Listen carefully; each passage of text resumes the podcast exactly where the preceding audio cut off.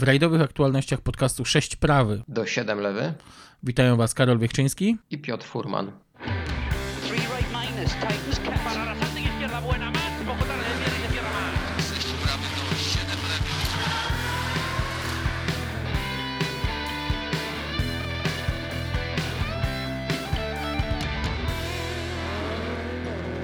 Teoretycznie powinniśmy zacząć aktualności od wycieczki do Grecji, ale powolutku skupmy się na takich rzeczach, które wyszły w ubiegłym tygodniu, wywołały nie lada burze, tak naprawdę mm, jak to przeważnie bywa, z dużej chmury mały deszcz i tymi meteorologicznymi nawiązaniami mm, powiedzmy sobie, że e, zespół M-Sport będzie odchodził w sezonie 2024. No to jest gorący temat, e, chyba taki najbardziej w tej chwili rozchwytywany i poruszany mm, w branży. My tam troszeczkę o tym napisaliśmy na naszym fanpage'u, bo oczywiście całe to zamieszanie E, za całym tym zamieszaniem e, stoją portale internetowe, które raczej nie słyną z rzetelności. Nie mówię tylko tutaj o polskich portalach internetowych, ale rzeczywiście u nas e, tradycyjnie niezawodne rally.pl narobiło niepotrzebnego zamieszania. I okazuje się, że jednak to nie jest prawda. M-Sport zostaje. Niewykluczone, że bez większych zmian.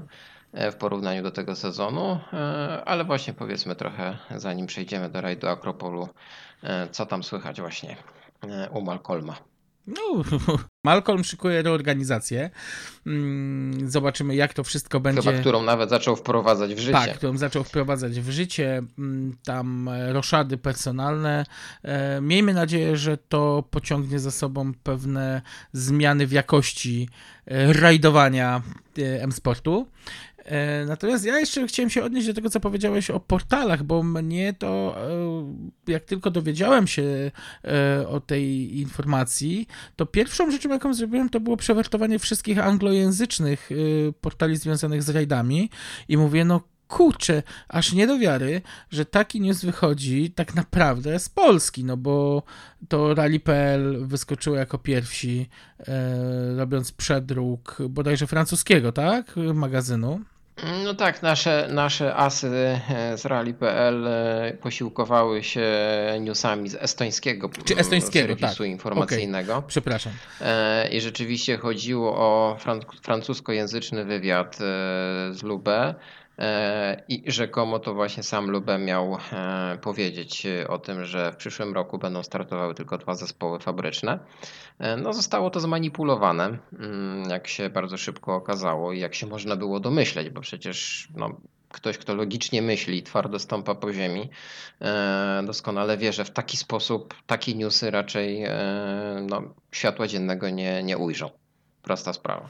No dokładnie tak. Ja tylko zastanawiam się tutaj, jak to mogło się wydarzyć, że Lube faktycznie palnął taką informację. E, I, I czy w ogóle palnął? I czy w ogóle palnął, a nie był to po prostu zwyczajnie błąd w tłumaczeniu, bo różne rzeczy mogą mieć miejsce. Ewentualnie była to zmanipulowana wypowiedź. No dokładnie. E, Też tak mogło Faktem być. jest, że tutaj większych zmian w M-Sporcie nie ma i nie będzie. E, w dalszym ciągu mamy zespół podzielony na jak gdyby e, dwie dywizje. Pierwsza to będzie Rally 1, druga to będzie Rally 2. E, no plus liczymy na to, że w nasze krakowskie balice wystawią mocną reprezentację w Rally 3 bo tutaj też należą się brawa. Puchar w Rally 3, już tytuł Mistrza Świata w Rally 3 e, powędrował do e, M-Sportu. E, Puchar w Mistrzostwach Europy w Rally 3 również powędrował do M-Sportu, więc jest czym się chwalić.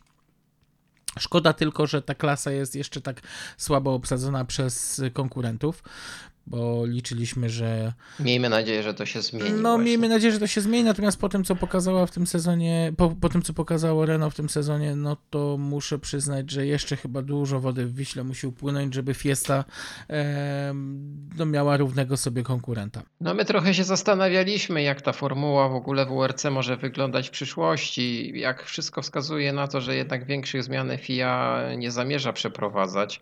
E, zarówno formuła hybrydowa będzie obowiązywała przez najbliższe lata, I myślę, że będą realne starania o to, żeby kolejny zespół dołączył do tych trzech obecnych, które, które startują. E, no i właśnie, jeżeli powiedzieliśmy o odejściu, którego nie będzie, to może teraz powiedzmy o powrocie, który nie wiadomo, czy nastąpi. Pierwsza rzecz to jest powiedzmy wprost, tu nie ma żadnego powrotu, bo ten zespół tak naprawdę istnieje do dnia dzisiejszego, e, tylko no, przeniósł się po prostu jak gdyby e, z Europy do Stanów Zjednoczonych i zmienił nazwę i zupełnie inni ludzie tym wszystkim zawiadują dzisiaj. Natomiast Subaru jest w dalszym ciągu sportowo aktywne Zresztą nie dalej, jak chyba 3-4 tygodnie temu e, gruchnęła wieść, że e, do Mistrzostw Stanów Zjednoczonych wypuszczono nowy samochód bazujący na WRX-ie mm, i super. Te rajdy rządzą się troszkę innymi prawami, natomiast y, to pokazuje tylko potencjał firmy i potencjał ludzi, którzy e, współpracują z samym Fuji Heavy Industries, że jednak jest dobra wola ścigania się i bardzo dobrze. Ja jeszcze pamiętam za czasów, kiedy pracowałem w ProDrive, e, już to, to z historia sprzed 5-6 lat, już wtedy mówiło się o chęci powrotu Subaru do rajdowych mistrzostw świata. Nawet co po niektórzy e, żartowali, że wysłannicy Japonii krążą po Wielkiej Brytanii, szukają zespołu, który byłby w stanie przygotowywać te samochody. Mm, I no, z naturalnych przyczyn nie byłby to ProDrive więc śmiali się wszyscy, że jeśli nie ProDrive, to pewnie M-Sport. E, oczywiście to trzeba traktować w e, kategoriach dowcipu, e, ale faktem jest, że już w tamtym czasie jakieś zainteresowanie ze strony Japończyków było. No dobrze, ale musimy ustalić pewne fakty i wytłumaczyć kibicom, którzy przeczytali właśnie ostatnio taką wiadomość, dosyć sprawdzoną i rzetelną, bo rzeczywiście takie spotkanie prezydenta e, FIA się odbyło e, i taka rozmowa rozmowa rzeczywiście miała miejsce, e, ale kibice, którzy czytają właśnie takie newsy, wyobrażają sobie, tak, wróci niesamowity, basowo mruczący bokser pod maską i, i David Richards e, na białym koniu z ProDrive'em będzie wystawiał Subaru. No nie, no tak nie będzie na pewno. E, ten powrót, jeśli w ogóle dojdzie do niego, bo mowa tutaj jest o perspektywie czterech najbliższych lat, E, ewentualnie to miałoby się stać, e, no, na pewno będzie w innym wydaniu, zupełnie innym samochodem i, e, i to nie będzie tak do końca odgrzana legenda, którą my oczywiście pamiętamy. Znaczy, wiesz co, czy będzie to odgrzana, czy nie odgrzana, będzie to na pewno legenda, bo mm, ten zespół. Jak, to sama marka jest legendą. Tak, w jakiejkolwiek tak. formie by wrócił do, do Mistrzostw Świata, to będzie legendą. E, I też gdzieś rozbawiają mnie komentarze w stylu: no dobrze, ale ten samochód jest za duży, że to już nie te czasy, brakło technologii. Nie, technologia jest.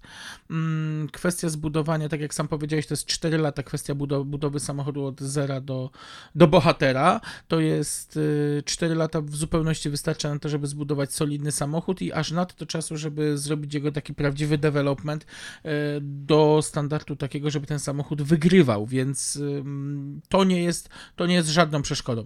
Następnym, e, następną rzeczą jest baza w tym momencie. To nie musi być już WRX, to może być BRZ. Zresztą e, gdzieś między wierszami było mówione, że to właśnie Toyota ma być takim partnerem Subaru pod kątem e, wsparcia silnikowego. To musimy zaznaczyć, tak. Ja w to wątpię. Ja w to wątpię, e, a wątpię z tego prostego względu, że znając dumę i upartość ludzi z STI, mm, a to są naprawdę specjaliści, którzy chcą liczyć na siebie. I zawsze tak było. Y, no dobrze, I myślę, no, że oni nie pozwolą sobie... trzeba schować do kieszeni. No dobrze, tylko jeżeli mamy 4 lata, to mamy aż nadto czasu, żeby przygotować własny silnik, który będzie silnikiem zbudowanym od podstaw. Więc w to szczerze wątpię. I nie będzie to silnik Boxer. E, tego nie wiemy. Oczywiście że, oczywiście, że tutaj będą jakieś ograniczenia prawdopodobnie w postaci, nie wiem, być może ilości cylindrów. Tutaj mogą być też jakieś, jakieś historie, natomiast tego też do końca nie wiemy, bo e, pamiętaj jedną rzecz. Pod kątem producentów FIA już niejednokrotnie naginała przepisy i zmieniała je, więc jeżeli Subaru powie, OK, chcemy no. wrócić, ale, to FIA jest w tym momencie pod taką ścianą, że oni zmienią te przepisy Tak, jeśli tylko Subaru będzie e, w perspektywie właśnie najbliższych lat e, chętnym zespołem do powrotu, no to rzeczywiście FIA będzie musiała troszeczkę się podłożyć. E, I miejmy, że nawet nadzieję, że tak się stanie. No, ja bardzo bym chciał powrotu którejś z tych legendarnych japońskich marek. Przecież poświęciliśmy ładnych kilka godzin naszego podcastu na to, żeby przedstawić Wam historię japońskich producentów w rajdowych mistrzostwach świata. E, na szczęście mamy teraz Toyotę, no ale każdy chyba z nas by chciał powrotu właśnie Subaru czy Mitsubishi e, do WRC. No, no czas pokaże. Z Mitsubishi to ja chyba sobie możemy. Z Mitsubishi to sobie chyba możemy no, wiadomo, po, no. pomarzyć, no. bo, bo tam nie ma żadnej no, woli. To wiadomo, trzeba być. się. Tak, tam trzeba być realistą i, i, i tutaj e, no, po prostu sama ta marka ciśnie się na usta, tak wspominając o japońskich producentach. Subaru chce. Miejmy nadzieję, że to będzie też e, poparte jakąś realną pracą i realnym staraniem, e, żeby rzeczywiście E, wrócić. Chociaż e, cztery najbliższe lata WRC no, jeszcze mogą przynieść dużo, dużo zmian.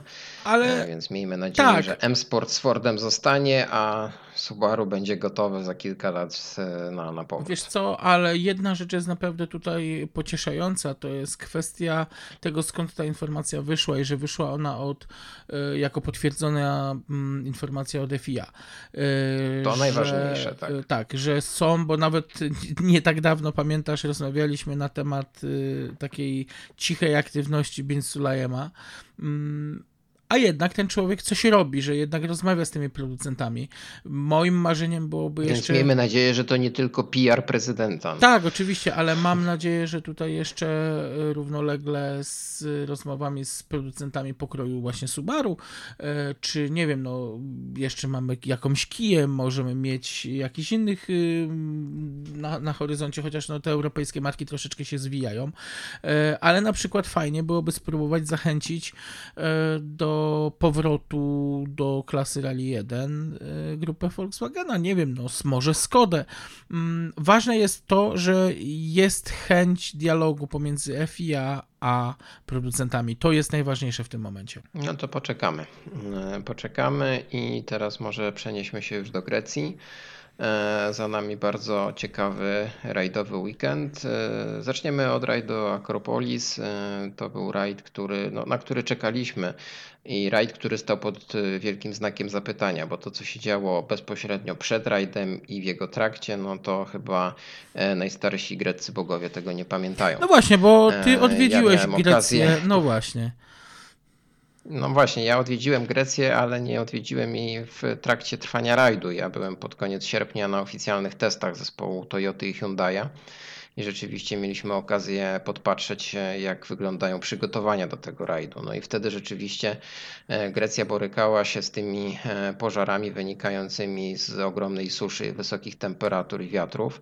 E, testy odbyły się w kratkę, nie odbyły się zgodnie z takim harmonogramem zaplanowanym przez zespoły fabryczne. Praktycznie zawodnicy wyjeżdżali co dwa dni na trasę i w ograniczonym takim trybie mogli ustawiać i sprawdzać samochody. E, my w akcji widzieliśmy Calero Van Pere no i SAP Kelapiego w Hyundaiu.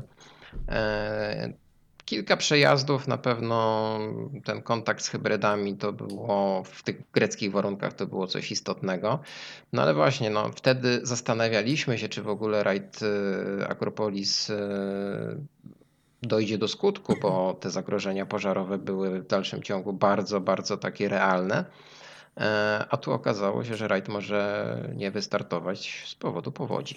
No tak, tylko tutaj też pokazan, pokazała cała sytuacja to, jak bardzo mocno zaangażowane są władze lokalne i organizator, który e, w sposób Uratowali kapitalny, dokładnie, uratował tą rundę e, przekopy, wszelkiego rodzaju odpływy robione tak y, bardzo szybko, żeby mm, no, mo można było się ścigać. E, kawał świetnej roboty, mm, więc y, to też pokazuje, jak bardzo duży budżet, no i jaką stawkę toczy się utrzymanie tej rundy w rajdowych Mistrzostwach Świata. I bardzo dobrze, bo nawet nie udało się tak tego rajdu bardzo pociąć, bo tego się spodziewałem, że tegoroczny Akropolis czeka los rajdu Szwecji w 2020 roku. Jak pamiętamy, tam wtedy warunki pogodowe e, spowodowały bardzo duże zamieszanie i tak naprawdę rajd przypominał jakąś tam lokalną rundę Mistrzostw Szwecji, a nie WRC. E, no w Grecji udało się te odcinki praktycznie przeprowadzić e, w komplecie. E, były oczywiście niektóre tam poskracane, ale ogólnie można powiedzieć, że rajd został rozegrany w takiej pełnej formie.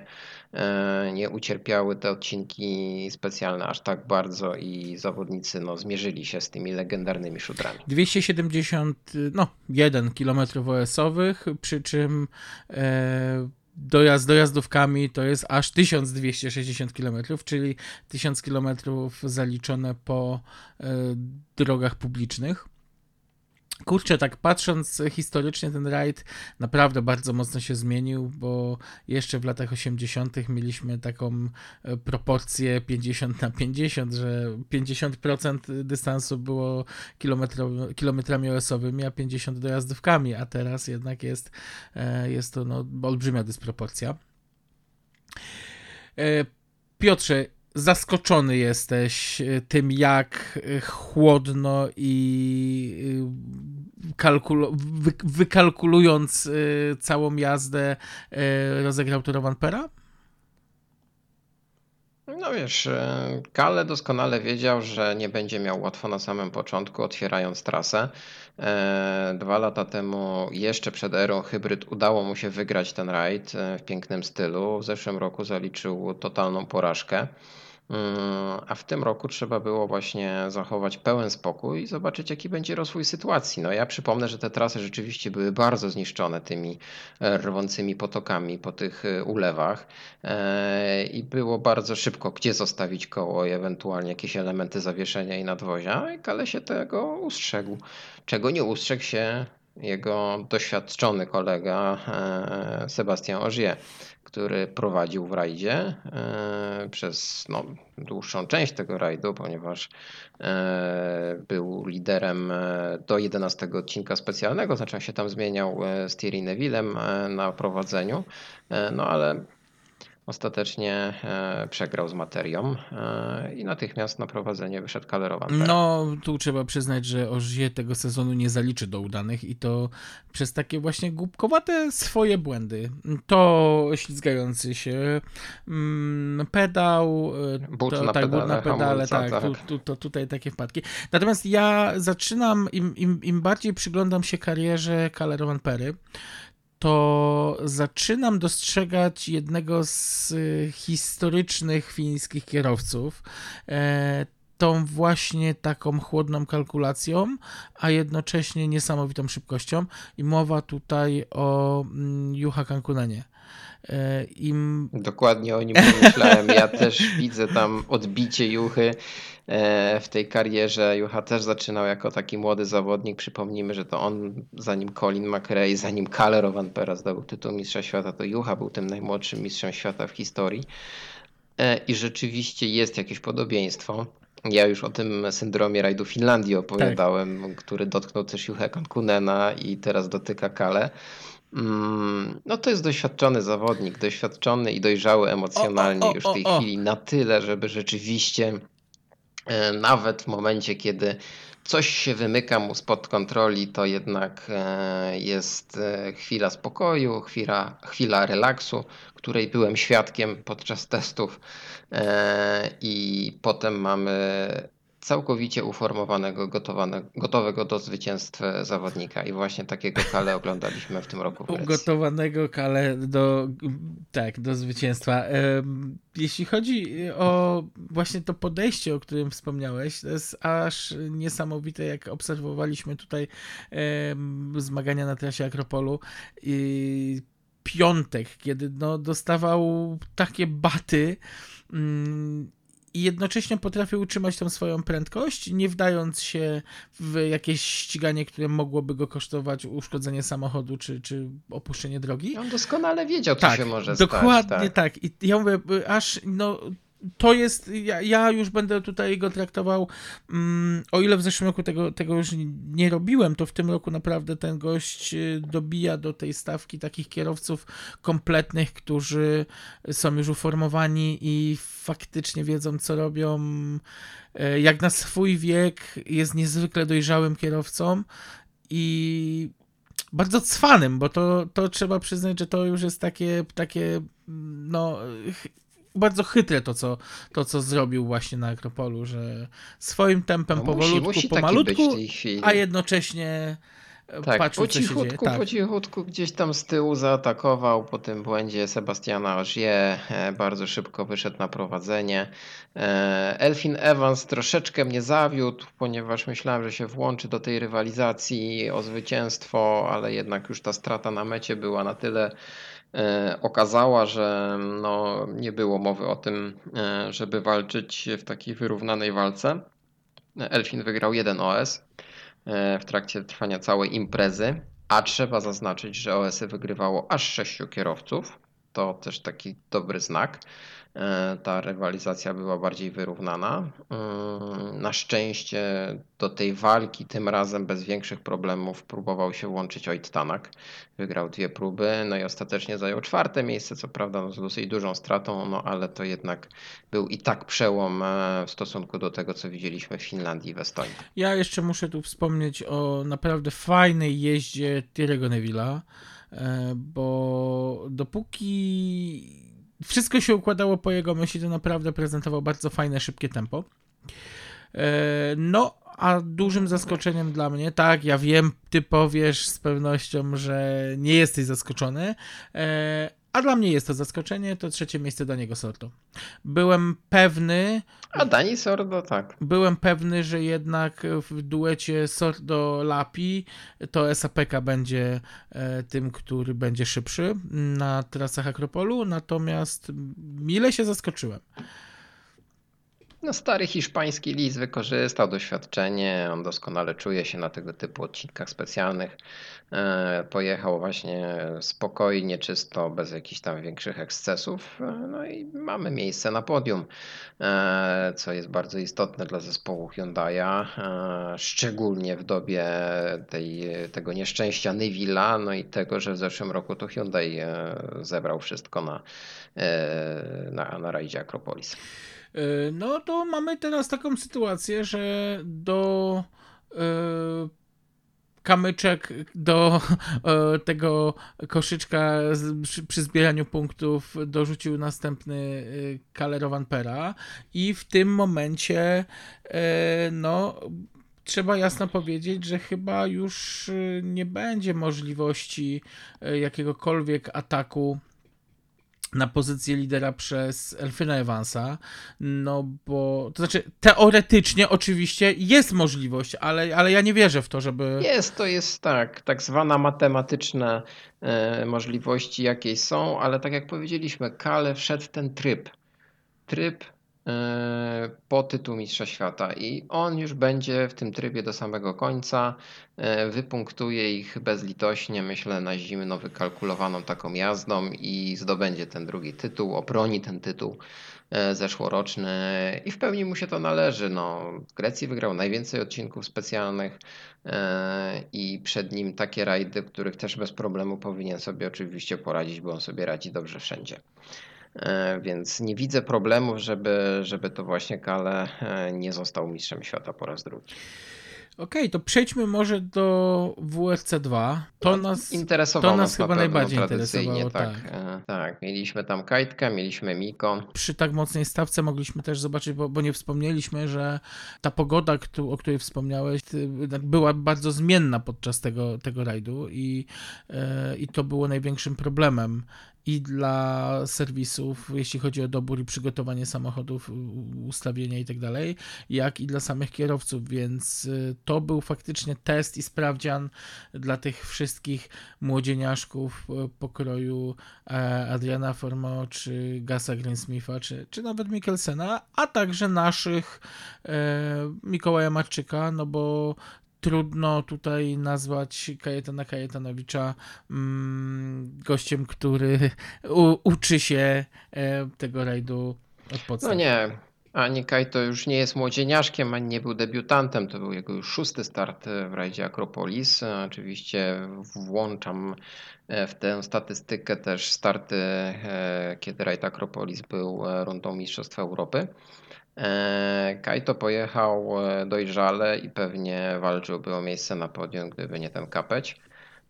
Szkoda, ale to się mogło przydarzyć każdemu. Przydarzyło się jemu też. No to też jest taki rajd, nie? Weźmy pod uwagę, że rzeczywiście samo zapoznanie z trasą odbywało się w zupełnie innych warunkach niż sam rajd. Jednak już w momencie, kiedy rajd się zaczął, te warunki tak. były bardziej przewidywalne. E, z kolei zapoznanie z trasą, no to no, płynące drogi, ulewy, nieprzejezdne te trasy, przekładane terminy zapoznania z niektórymi odcinkami specjalnymi. No nie było im łatwo, naprawdę, więc odnaleźć się później e, w trakcie rajdu już e, na tych przesychających odcinkach. No nie kurzyło się co prawda, tak jak podczas testów, jak mogliście oglądać na naszym fanpage'u filmy i zdjęcia E, ale jednak te warunki były bardziej przewidywalne już na samym, e, w trakcie samego rajdu, więc e, ta rywalizacja w WRC2 no, odbywała się pod dyktando Andreasa Mikkelsena. No, to też to doświadczenie. Tutaj będę jednak polemizował trochę. W mojej ocenie to Mikkelsen tym zwycięzcą został troszkę e, dzięki pechowi e, konkurencji, no bo popatrz, e, i Sami Pajari, i Oliver Solberg, i Robert Wirwes, nazwiska, które naprawdę z nim bardzo mocno rywalizowały i no, okazywali się szybsi, mm, no tylko niestety gdzieś zostali pokonani bądź przez usterki, bądź przez wypadki wiesz, ale już tutaj ta rywalizacja ostatniego dnia z Gasem Greensmithem, no to już po prostu było, Andreas był szybszy, no i, i, i zasłużenie tutaj wygrał e, ten rajd. E, Stawka taka e, dosyć przewidywalna, no bo w pierwszej trójce mieliśmy właśnie i Rosella i e, Formo, zaraz za podium się pojawił. E, no Kaito ukończył ostatecznie rajd na szóstym miejscu. Miko rzutem na taśmę awansował na miejsce dziewiąte w WRC2. No to nie są jakieś na pewno miejsca, które podbudują ich mocno punktowo w tej klasyfikacji. E, ale no ukończony rajd, e, szczególnie na Miko Marczyk, no, debiutując w tym rajdzie ukończył w tych trudnych warunkach. E, no, on sam pewnie też się spodziewał trochę szybszej jazdy, ale no, dotarcie do mety okazuje się jest i tak już dużym sukcesem. E, więc, więc tutaj e, cieszymy się, że mamy dwie załogi na mecie, hmm, a już te czasy i wyniki to już trochę drugorzędna sprawa. Nie ukrywam, że jestem zaskoczony postawą Gregoira mm, Munstera, który zameldował się na piątym miejscu w WRC 2. Ja byłem pewny, że on jednak przyjedzie za Kajetanem Kajetanowiczem i za Maćkiem Szczepaniakiem. No a tutaj jednak z prawie 20-sekundową przewagą jednak jednak byli przed polską załogą. Monster jest szybkim kierowcą. On troszeczkę z takiego cienia stara się wyjść pewnie e, i, i pokazać, że, że jeszcze jest w stanie pojechać szybciej.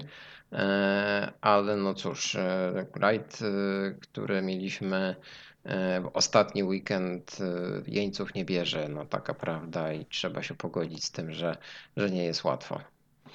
E, I, i, I to było widoczne praktycznie na każdym kroku, bo każda załoga miała jakieś przygody i e, jakieś problemy. A no właśnie. E, coś mamy jeszcze do dodania? Jeśli chodzi o. No myślę, że nasze informacje i te takie przemyślenia uzupełni Marcin Rybak, który tradycyjnie o tym rajdzie coś opowie, mm, zaraz po nas. I Chyba możemy jeszcze krótko, bo ten rajd był krótki, więc krótko o e, rajdzie Śląska. Tak, no przypieczęto... Był taki, był, rajd. był taki rajd. Rajdzie Śląska, nie Śląskim. tak, pamiętajcie, że tutaj to był rajd Śląska, bo był kiedyś rajd Śląski, ale on na chwilę tylko zastąpił rajd Wisły.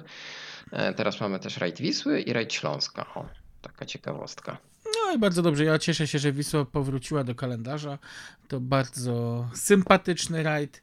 E, natomiast e, rajd Śląska przez wielu kierowców dotychczas był bardzo nielubiany z racji konfiguracji odcinków specjalnych, ponieważ uchodziły za nudne.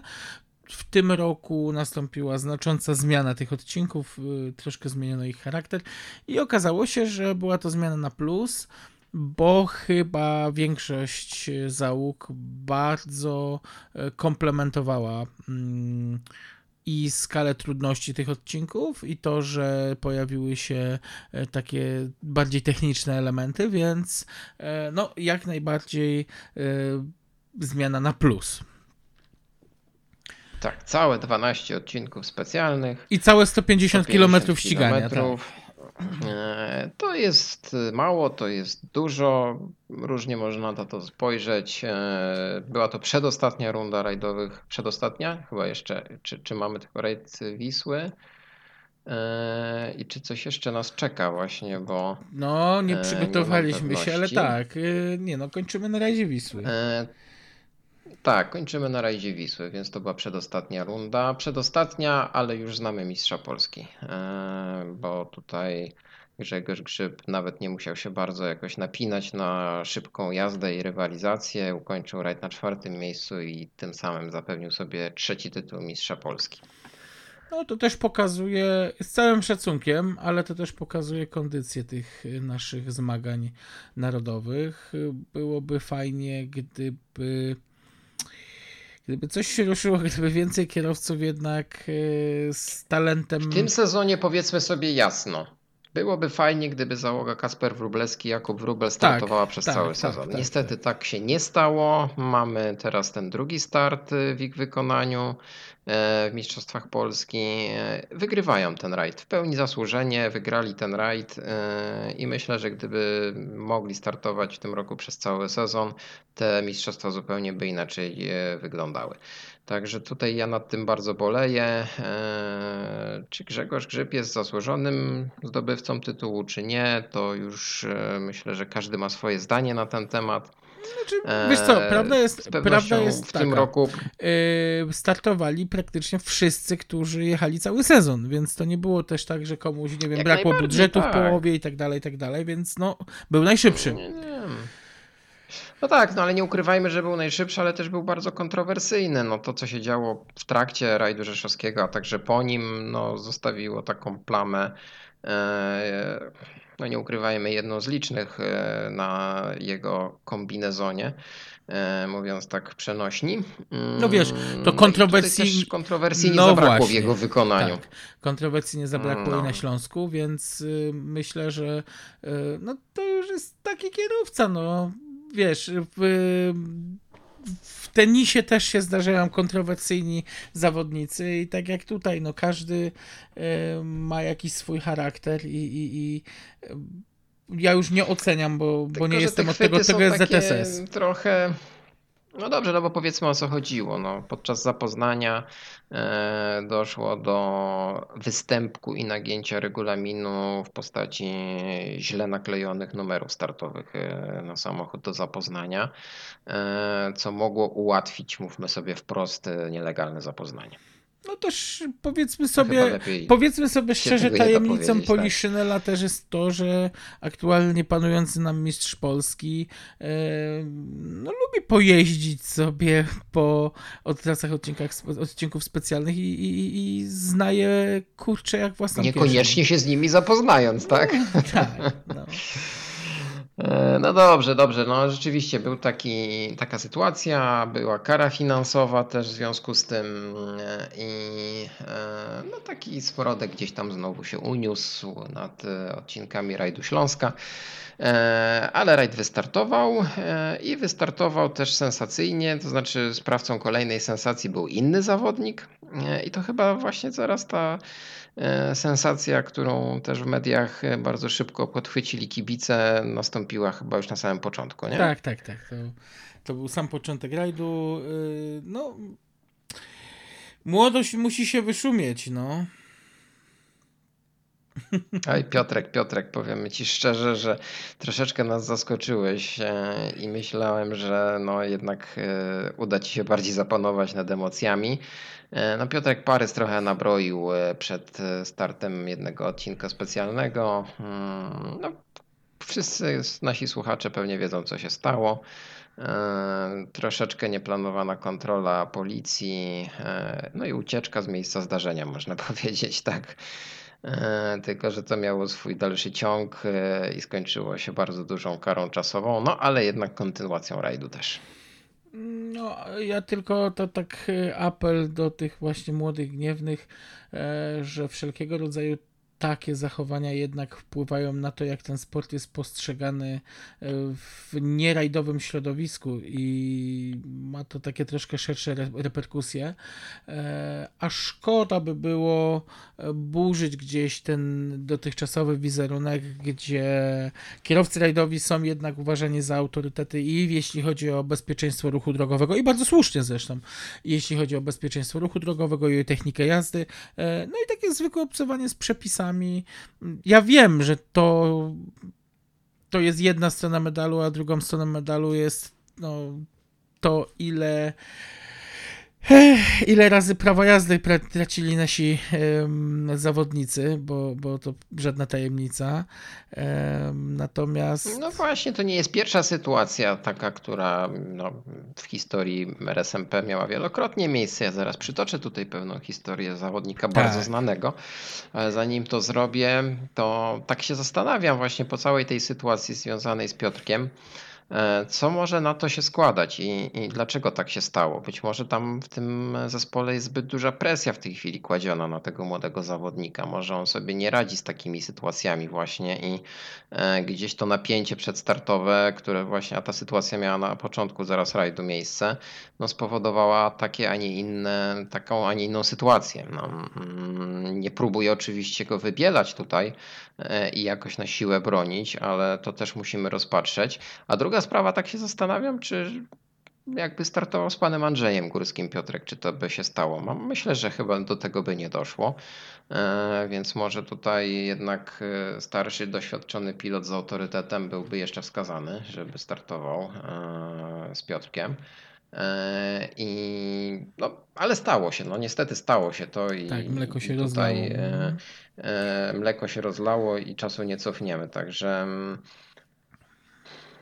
Daje to do myślenia zarówno i kibicom, jak i powinno dać do myślenia samemu kierowcy. Tutaj o pilocie wspomniałem oczywiście o panu Andrzeju, teraz Piotrek startuje z Damianem Sytem, oczywiście uważam, że też Damian doświadczony też pilot oczywiście. Ma, no, tak, też jest doświadczonym pilotem i też posiada autorytet oczywiście, e, no ale jednak e, tam musiało mocno wrzeć w tym samochodzie, w całej tej sytuacji I, I tak się skończyło. I z tą 13-minutową karą e, Piotrek ukończył ten rajd na 25 miejscu w klasyfikacji e, generalnej i na miejscu mm, na miejscu czwartym w RC3 więc no nie dało mu, nie udało mu się po prostu powalczyć o zwycięstwo w tej klasyfikacji, a pewnie mm, do tego był gotowy.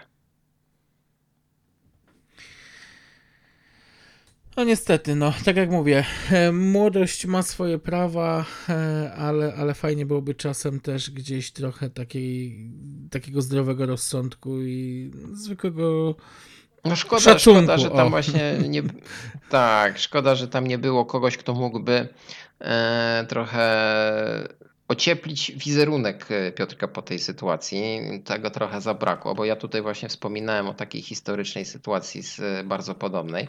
Bo przypomnę, że w 1998 roku podczas rajdu Polski bardzo podobny e, numer wykręcił zwycięzca tego rajdu, czyli Krzysztof Hołowszy, który został zatrzymany do kontroli przez policję, mm, e, ale odmówił okazania dokumentu i po prostu odjechał, tak? E, patrol e, dopadł go ponownie podczas przerwy komasacyjnej, chyba wtedy w Kalwarii Zebrzydowskiej. No i e, sprawa stanęła na ostrzu noża, ale rozładował całą tą niemiłą sytuację wtedy dyrektor rajdu Janusz Szerla, który no, negocjował ze stróżami prawa. No i, i, i, i hołka zwycięstwo zostało uratowane. Także to mówię, to nie pierwsza sytuacja, no ale miejmy nadzieję, że już będzie mniej takich akcji. No tak, e, sezon można powiedzieć mamy już za sobą, tak jak mówiłeś, jeden rajd do końca. Mm, ja ubolewam trochę, że jednak y, zabrakło Martina Sesksa na większej ilości rajdów i, i, i no jakoś y, ta rywalizacja w tym roku była bez szału, no niestety. No tak, no takie trochę to wszystko było e, i przewidywalne, e, i zabrakło takiej rywalizacji do samego końca, e, którą mieliśmy na szczęście w zeszłym sezonie. Teraz, teraz już było bardziej właśnie przewidywalnie i bardziej banalnie. No, niestety te rajdy polskie w dalszym ciągu przeżywają kryzys i jakoś nie zamierza się to za bardzo zmienić chyba w najbliższym czasie. E, ja mam pewien pomysł na to, żeby urozmaicić polskie rajdy i spowodować, żeby były e, znowu takim wydarzeniem e, i sportowym, ale także takim show marketingowym. Mhm. Teraz o tym nie będę mówił, ale chyba A, kiedyś okay. trzeba będzie poruszyć ten okay, temat. Ja, I, i, i... ja ci wejdę w słowo jeszcze, bo a propos właśnie rajdu Śląska chciałem powiedzieć, że nie tylko kierowcy komplementowali ten tegoroczny rajd, e, ale również i kibice, no bo pomysł z odcinkiem w Katowicach absolutnie fantastyczny i to wieczorny odcinek e, przy naprawdę tłumach, e, gdzie, gdzie to przypominało najlepsze czasy rajdowania w Polsce. Kapitalny pomysł, konfiguracja odcinków, tak jak mówiłem, też naprawdę in plus, więc no oby więcej takich imprez. Drugim rajdem, który zbierał wysokie lokaty w tym roku był Małopolski, więc coś się rusza e, ku lepszemu, jeśli chodzi o organizację samych rajdów. Tak. No i jeszcze teraz, żeby nad tym zaczęli nadganiać e, zawodnicy i, i, i żeby pojawiało się coraz więcej szybkich załóg, które będą robić prawdziwy show na odcinkach specjalnych. Ech, tak, te rajdowe sejsmografy, takie delikatne jakieś tam wstrząsy zaczynają odnotowywać jakieś ruchy takie, które e, można odczytać jako pozytywne zjawiska, ale jednak brakuje takiego tąpnięcia i takiego uderzenia pięścią w stół e, i w dalszym ciągu mamy dużą stagnację. Ale okej, ale o tym teraz może już nie będziemy mówić. O rajdzie e, Akropolu powiedzieliśmy dzisiaj tak dosyć krótko, ale właśnie myślę, że uzupełni nas e, Marcin Rybak, któremu oddajemy głos, a my tradycyjnie dziękujemy za uwagę i do usłyszenia. Dziękujemy, do usłyszenia.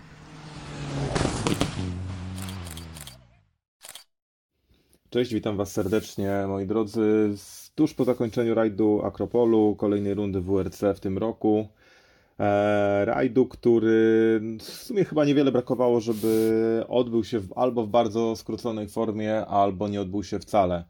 E, aura spłatała sporego psikusa organizatorom, chociaż e, akurat ta pora roku w tym rejonie mm, potrafi obfitować w bardzo, bardzo mocne deszcze i gwałtowne załamania pogody.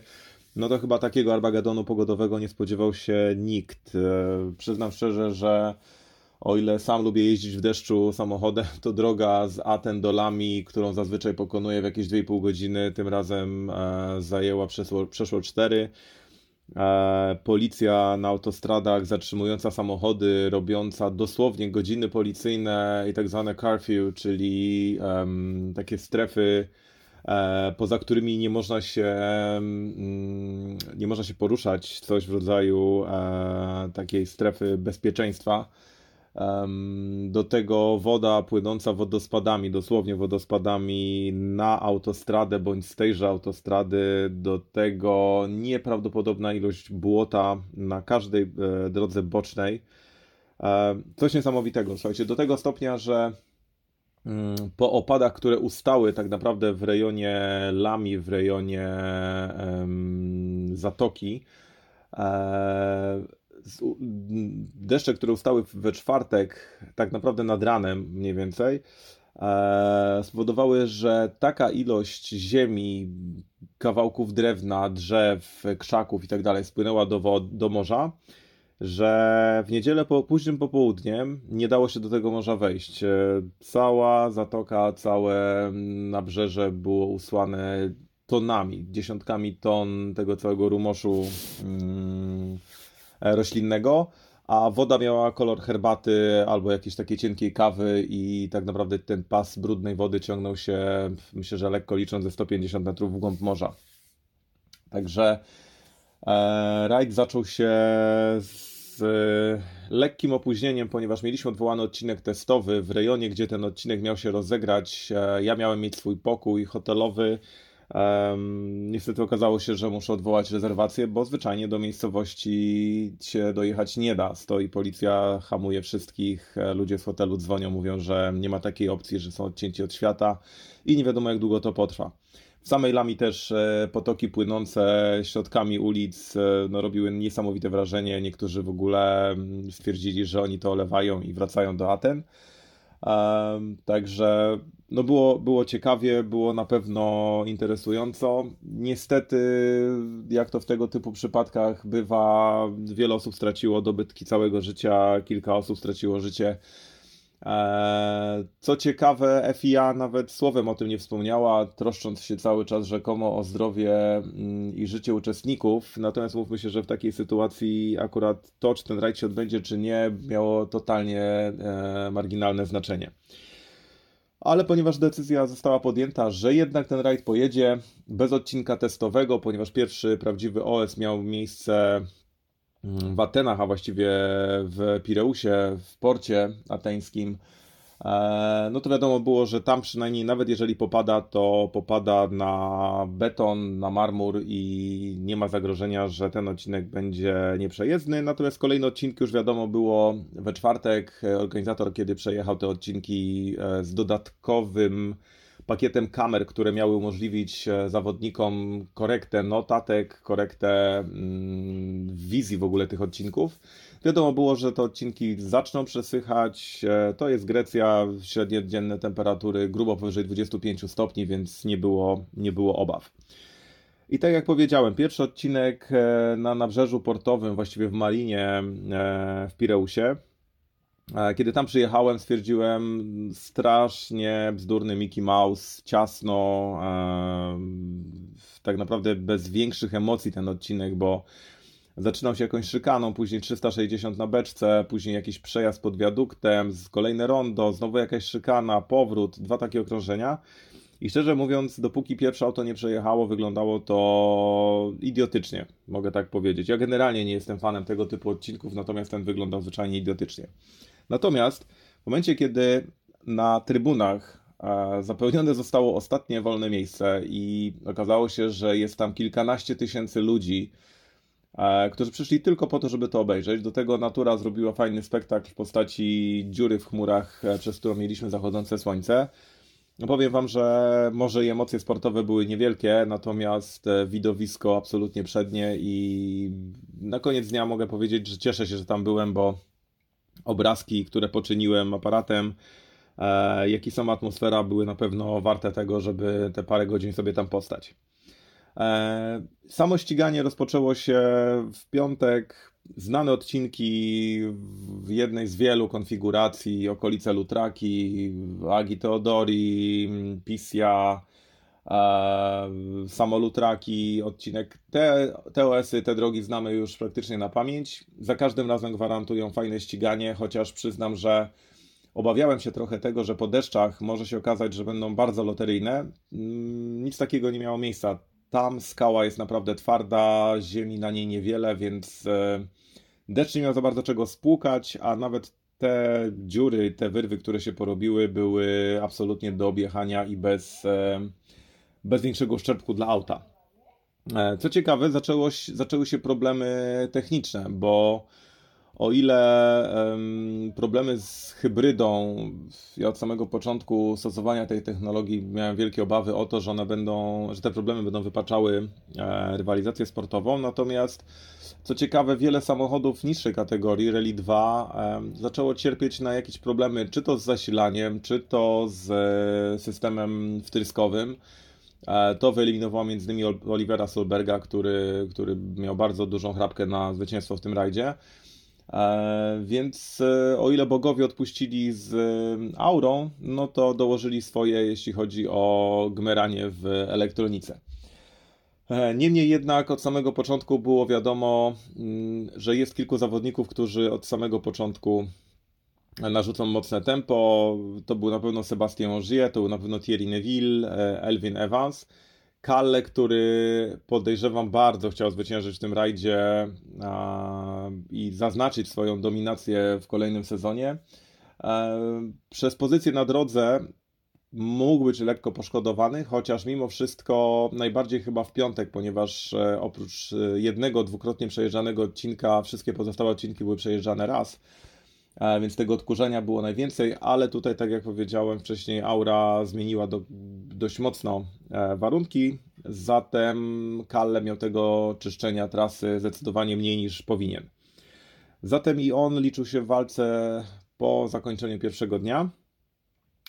I tak naprawdę najbardziej dla mnie kultowe odcinki um, rajdu, rajdu Grecji, czyli Pawliani, dawne Stromi, um, Eleftherochori. Żałuję, że bardzo Drosselchori nie było, ale te odcinki naprawdę gwarantują absolutnie wszystko, czego możemy się spodziewać na Akropolu. Bardzo techniczne, bardzo kręte, leśne, wąskie drogi poprzeplatane z otwartymi plateau, z podbiciami, z wysokimi prędkościami, z miejscami, gdzie praktycznie przez kilkanaście, kilkadziesiąt sekund e, można lecieć piątym biegiem.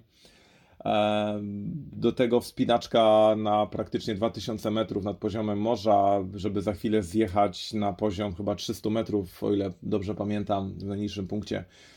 Było absolutnie wszystko. Do tego pogoda, która wróciła do takiej akropolowej normy, czyli pełne słońce, ciepło, Wyskoczyliśmy z długich spodni w, w shorty. Można było zacząć e, czerpać przyjemność z bycia na tych odcinkach, bo nie ukrywam, że w czasie zapoznania, które było no, poprzerywane różnymi rzeczami, e, zawodnicy tłumnie odwiedzali markety, kupowali sobie ciuchy ciepłe, bo wiadomo było, że no, że jest naprawdę słabo.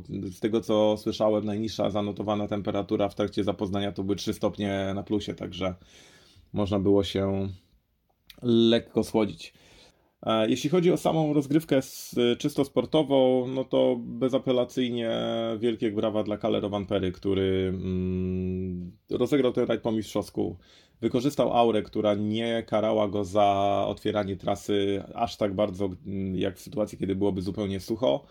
Pojechał mącze rozważnie, bez błędów, e, wyczekał na potknięcia rywali, kiedy tę trasę otwierał. Następne dni rozpoczynał już e, na czystej trasie w odwróconej kolejności, więc e, jakby zrobił to, co mistrz powinien, czyli rozegrał to po swojemu, pozwolił się wyhasać tym, którzy czuli, że mogą jeszcze coś ugrać. A kiedy zaczęły się ich problemy, to po prostu wykorzystał to z absolutnie zimną fińską krwią. Do tego wygrana na odcinku Power Stage jakby nie pozostawiła żadnych wątpliwości. Tam szanse mieli również inni. Zrobił co miał do zrobienia, kolejne 5 punktów, plus 25 za zwycięstwo. Nie mam pytań. Mamy praktycznie, a praktycznie zagwarantowane to, że Kale ten tytuł mm, w tym roku również obroni. Bardzo fajna postawa Elfina Evansa, który mimo jakichś tam problemów, mimo, e, mimo uszkodzeń samochodu, był w stanie odebrać drugie miejsce Daniemu Sordo. E, super, bardzo, bardzo fajna pogoń, bardzo fajna walka i widać było, że Elvin jedzie absolutnie flat out na to, co pozwalał mu samochód, bądź na to, co sam czuł, że jest jeszcze w miarę bezpieczne. E, odrobinę poza limitem bezpieczeństwa pojechał tym razem Sepozie, który uszkadzając koło a właściwie zawieszenie na jednym z odcinków, no wyeliminował się sam z walki, plus jeszcze później jakieś zamieszanie z niezapiętymi pasami. Eee, przyznam szczerze, że FIA pod tym względem już dochodzi do granic jakiegoś absolutnego absurdu, bo to, że e, my jako media mm, w czasie oglądania onboardów przez e, Nicolas Clanger jesteśmy karani nawet jeżeli to nie my jesteśmy na zdjęciach, e, stojąc w jakichś dziwnych miejscach, nawet jeżeli nie ma się do kogo przyczepić, bo po prostu są to kompletnie nieznane, randomowe osoby, to warto się zawsze wtedy przyczepić do mediów i zgłosić to na naszej wspólnej grupie i, mm, no i wyrazić swoją opinię na temat naszej, naszych zdolności umysłowych, skoro stoimy w niebezpiecznych miejscach, co przeważnie jest jakąś totalną bzdurą. Ale E, FIA podejmuje takie, a nie inne decyzje. Jest to ciało nadzorcze, że tak powiem, nad, e, nad rajdami.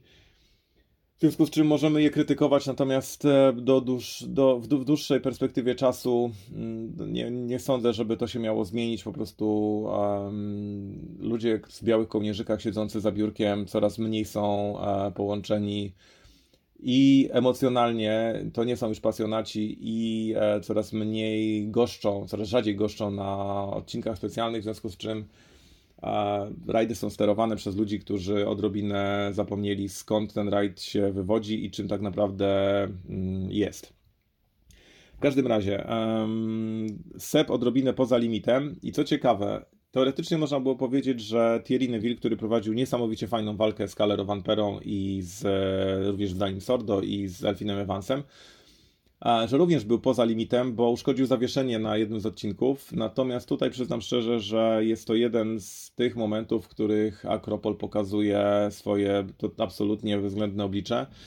E, dziura, w którą wpadł, na pierwszej pętli kosztowała mm, rajd E, greckiego zawodnika jadącego polo, e, który uszkodził zawieszenie, a następnie rolował. Mm, w tym samym miejscu bodajże jeszcze trzy samochody miały jakieś problemy. Thierry jechał prawdopodobnie z nich wszystkich najszybciej i mimo, że pancerna budowa samochodów Rally One pozwala na wiele i wiele wybacza, no to tutaj okazało się, że ta dziura spowodowała, że zawieszenie wyszło górą. E, czy tak się powinno dziać?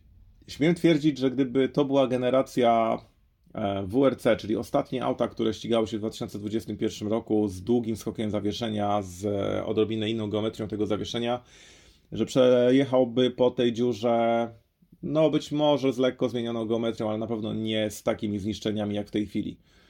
To znowu powoduje jakąś lekką krytykę dla przepisów, ale umówmy się, te samochody powinny takie drogi i takie dziury znosić bez większego problemu. Niestety stało się jak się stało. Thierry w tym momencie stracił szansę na zwycięstwo, a jechał świetnie, naprawdę jechał świetnie, mm, prowadził, zaczynał budować sobie jakąś tam przewagę. Nie wiem, czy byłby w stanie obronić się przed Kalle drugiego i trzeciego dnia, ale super, że podjął walkę i naprawdę z optymizmem można patrzeć na pozostałe rundy, bo tanio skórnie sprzeda, to jest pewne. E, Dani Sordo, który korzystając ze swojej pozycji mm, na drodze zaczął notować e, bardzo fajne czasy i był realnym kandydatem do drugiego miejsca, ostatecznie ulegając Elfinowi Evansowi, e, pokazał, że nawet jeżdżąc te kilka rajdów w sezonie i mając bardzo długie przerwy w obecności w rajdówce, można walczyć i można sprawiać praktycznie tak mogę to nazwać, że małą sensację, bo gość, który był zawsze uważany, uważany za króla asfaltów, e, teraz jest zawodnikiem, który właśnie na szutrach zdobywa bardzo cenne punkty dla zespołu Hyundai'a. E, Takamoto Katsuta przejechał w miarę bezbarwny rajd. W sumie nie mogę powiedzieć, żeby cokolwiek się działo, poza tym, że jak każda Toyota gubił co chwila jakieś elementy poszycia tego samochodu. E, więc jego przejazd e, zostawię do analizy tym, którzy lubią cyferki i tabelki.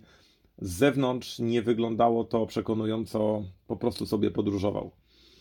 E, na pewno nie podróżował Oit Tanak, który niestety po pierwszym dniu i po złapaniu jakiejś gigantycznej kary za spóźnienie na PECAT, na OS, na którym, jak się później okazało, przejechały tylko samochody kategorii Rally One. Problemy z samochodem, problemy z e, elektroniką spowodowały, że Oit już na początku rajdu przestał się liczyć w walce. Natomiast warto, naprawdę warto było patrzeć, jak jedzie, jak przemierza kolejne odcinki, bo no myślę, że jechał flat out. Pozycja na drodze nie pozwalała mu walczyć o zwycięstwo na odcinkach ani o notowanie regularnie bardzo wysokich e, pozycji. Natomiast jechał fantastycznie. Dawno nie widziałem Ojta, który jedzie z taką agresją. Jakby chyba ta sportowa złość tutaj doszła do głosu i pozwolił sobie na, na jazdę absolutnie w limicie. Pierlu i Lubę. Ja Piera, Piera Louis poza odcinkiem miejskim nie widziałem wcale, ponieważ byłem na drugim kilometrze pierwszego odcinka i już do tego miejsca nie dojechał. Awaria przeniesienia napędu po stronie hybrydowej A, spójrzmy zasłonę milczenia na to, ponieważ nie jest to winem sportu. Są to mm, systemy hybrydowe są dostarczane przez Power Dynamics i e, no chyba tu jest właśnie problem całego przedsięwzięcia, że jest to firma, która tworzy rzeczy do wszystkiego, a wiadomo, że jak jest coś do wszystkiego, to no właśnie. A mniejsza z tym, Pierre-Louis praktycznie nie przejechał e, żadnego odcinka, więc e, możemy to zostawić. Nie mogę powiedzieć, że jest to rozczarowujący występ, bo, bo tego występu nie było wcale.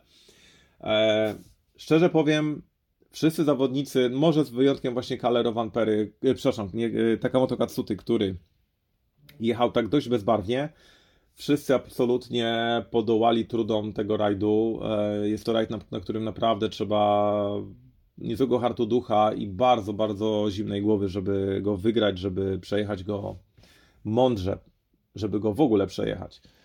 Um, zatem żadnych ocen negatywnych raczej, raczej po mojej stronie się nie spodziewajcie.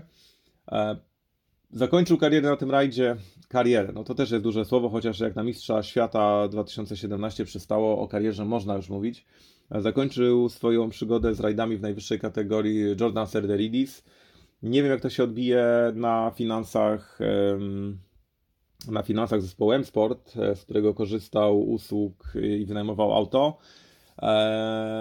Fajnie, bardzo mocno dorosły facet, umiejący się bawić, bawiący się za swoje pieniądze przede wszystkim, wspierający również też młode talenty, bo Gregoire Munster e, otrzymał od niego szansę wystartowania tym autem prawdopodobnie w dwóch rajdach. Kończy karierę. Sportowo nie będziemy go wspominali najlepiej, natomiast trzeba pamiętać, że dzięki takim ludziom rajdy, nasza ulubiona dyscyplina sportu, jest tym, czym jest, czyli jest zbiorem świrów, pasjonatów i ludzi, którzy umieją żyć. Umieją żyć nie tylko odcinając kupony od e, swoich pensji, ewentualnie podbijając karty na zakładzie od 8 do 16. Jesteśmy ludźmi, którzy potrafią zarwać noce, przejść jakieś gigantyczne dystanse po to, żeby zobaczyć naszych ulubieńców. I Jordan na naszą, na naszą estymę zasługuje. Może nie był najszybszy, ale fajnie, że był. Kolejne auto, które można było oglądać i kolejne występy, które można było śledzić. E, w kategorii WRC2 dużo przygód, dużo odpadnięć. E, sam Andreas Mikkelsen mówi, że nie wierzył nawet w to, że stanie na podium po mm, ilości kapci, którą złapał w czasie rajdu. Finalnie wygrał, więc to też pokazuje, jak trudny był to rajd. Tacy murowani kandydaci do podium, jak Sami Pajari czy Nikołaj Griazin, no, podpadali tak naprawdę jak muchy, bo, bo na tym rajdzie tak to właśnie wygląda.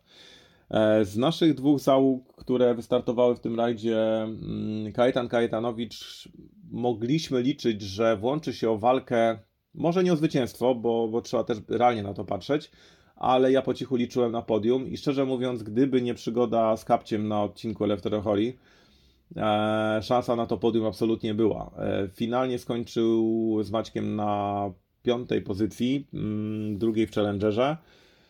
Super dobre punkty, była to jazda, która mogła się podobać. E, Kajetan przyzwyczaił nas do tego, że zaczyna trochę, trochę wolniej i się rozkręca w miarę, w miarę kilometrów. E, widać było, że te odcinki, które już poprzesychały, leżały mu naprawdę bardzo. Była to fajna widowiskowa jazda i czasy też mówiły same za siebie, bo wcale nie było daleko od tego podium i regularność przede wszystkim jego czasów powodowała, że no gdyby nie kapeć, pewnie byłoby lepiej. Co do Mikołaja Marczyka. Hmm. E, tak, wiem, że był to jego pierwszy start na Akropolu. Wiemy, że woli zdecydowanie szybsze rajdy. Wiemy, że jest młodym zawodnikiem, niedoświadczonym i ma szansę jeszcze się uczyć.